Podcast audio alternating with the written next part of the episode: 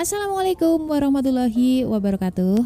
Ketemu lagi dengan saya Ria Marliana di podcast Self Healing, podcast kita semua yang sedang belajar berdamai dengan luka melalui psikologi Islam. Dan kadang aku spill tentang karakter manusia berdasarkan golongan darah. Berguna buat lo yang punya pasangan dan lagi sebel banget sama pasangan. Biar bisa lebih memahami aja sih. Tadi lagi ngejemur baru mau ngejemur tiba-tiba ada inspirasi ya. Kalau misalkan inspirasi itu sebenarnya banyak banget, bertebaran di mana-mana. Cuma menuangkannya itu kadang PR banget. Apalagi menuangkan sampai jadi konten kayak sekarang. Ada aja gangguannya.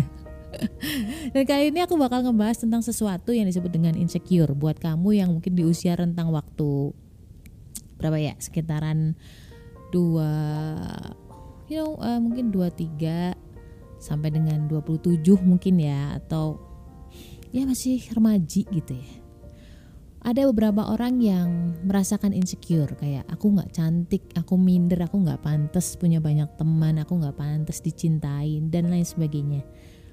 For information di podcast podcast gue yang paling bawah-bawah sebenarnya tuh udah banyak ngebahas tentang itu. Tapi mungkin ya udah saking tenggelamnya, apalagi podcast gue juga udah mulai tenggelam ya curcol. udah banyak. Tapi aku bakal bahas ini secara sa uh, lebih singkat ya. So stay tune. Jangan ke mana-mana. Insya Allah.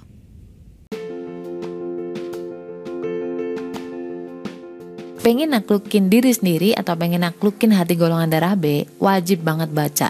Jangan deketin golongan darah B sebelum miliki buku Beauty in Abyss ini tenang aja karena bahasanya tuh bukan yang ilmiah-ilmiah banget. Ada cerita, ada narasi tapi nggak sepanjang novel-novel drama atau sastra. Cuman 25 ribu. Link pembelian terlampir nih.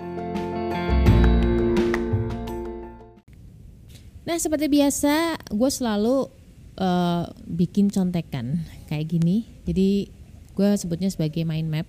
Poin-poin apa aja sih yang mau gue sampaikan. Bukan bukan kayak oh, apa tekstual gitu enggak. Tapi poin-poinnya biar gue tuh runut ada kerangkanya gitu ada outline-nya. Nah ngomong-ngomong soal outline nih sebenarnya tau nggak sih bahwa ada hubungan antara mengobati insecure kamu saat ini merasa nggak cantik merasa nggak worth oh nggak worth itu untuk jadi di teman apa sih? Nggak pantas untuk punya teman gitu ya. Itu ada korelasinya juga dengan uh, kita sebagai seorang muslim. Ada yang bilang bahwa cantik itu relatif, jelek itu mutlak. gue nggak paham soal itu sih, jujur aja nih. Cuman aku setuju dengan kata-kata cantik itu relatif ya. Kadang-kadang ada orang yang sukanya itu muka-muka yang imut, ya nggak. Ada orang yang sukanya muka-muka yang ke Arab-Araban, ada orang yang suka mukanya itu ke Chinese Chinesean, ke Korea Koreaan gitu. Itu tergantung tergantung apa sih selera pasar saat ini ya. Sebentar, anak gue lagi gangguin gue nih.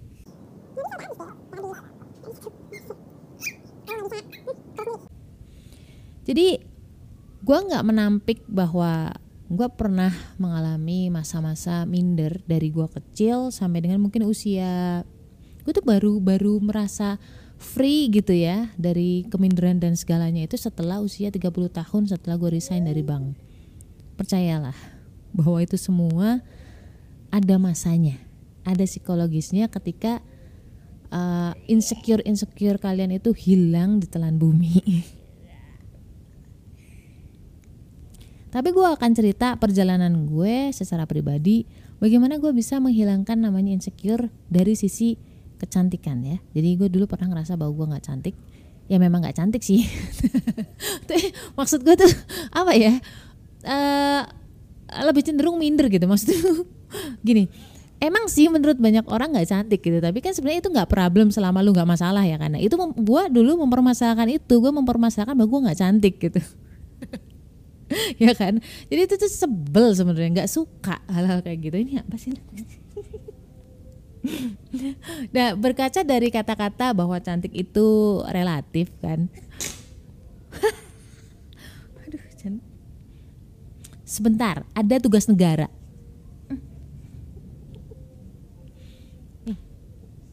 Ini. Cantik itu relatif which is tergantung siapa yang melihat. Artinya oh berarti cantik itu subjektif dong tergantung siapa yang melihat. Mau si A yang lihat gue cantik atau enggak ya kan mau si B si C si D dan termasuk diri gue sendiri gitu. Bagaimana cara gue melihat diri gue gitu. Jadi gue menangkap akar masalahnya sebenarnya bukan di cantik atau enggaknya gue gitu.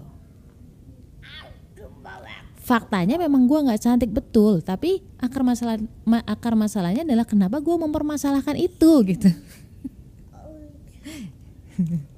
Jadi gue mulai mencoba uh, reframe ya mendefinisikan diri gue lebih jauh lagi. Karena orang lain tuh nggak mempermasalahkan muka gue gitu.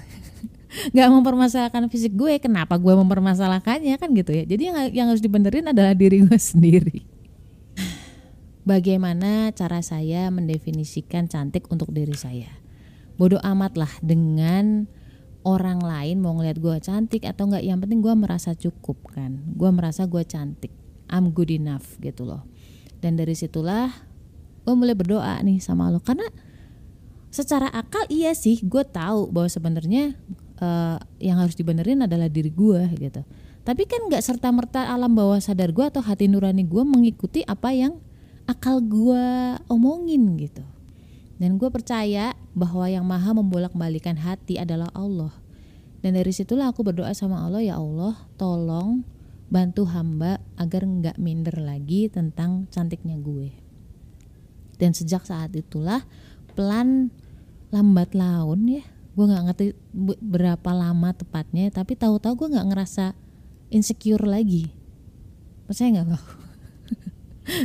Jadi intinya adalah uh, kenapa gue mempermasalahkan itu soal cantik kemudian yang kedua percaya bahwa yang membolak-balikan hati dan bisa menyembuhkan hati gue adalah Allah termasuk rasa insecure itu. Mau insecure soal karir, pendidikan, eh, kecantikan, fisik, kekayaan apa pun itulah. Itu cuman Allah yang bisa nyembuhin. Dan aku berdoa sama Allah. Dan aku percaya dengan salah satu hadis bilang bahwa Allah itu nggak melihatmu dari harta dan juga rupamu gitu. Yang Allah lihat adalah uh, hati loh gitu. Dan dari situlah aku mulai mencari sebenarnya bukan ridho gue yang gue cari, bukan saya meridokan diri saya seperti ini bukan, tapi saya mencari ridhonya Allah. So, so udah gitu dulu karena gue digangguin sama anak gue yang kecil so apa pun masalahnya lari ke Allah cari Allah jadikanlah Allah tujuan insya Allah itu tuh mengobati apa pun penyakitmu baik batin maupun fisik La haula wala quwata illa billah. Stay love and assalamualaikum warahmatullahi wabarakatuh.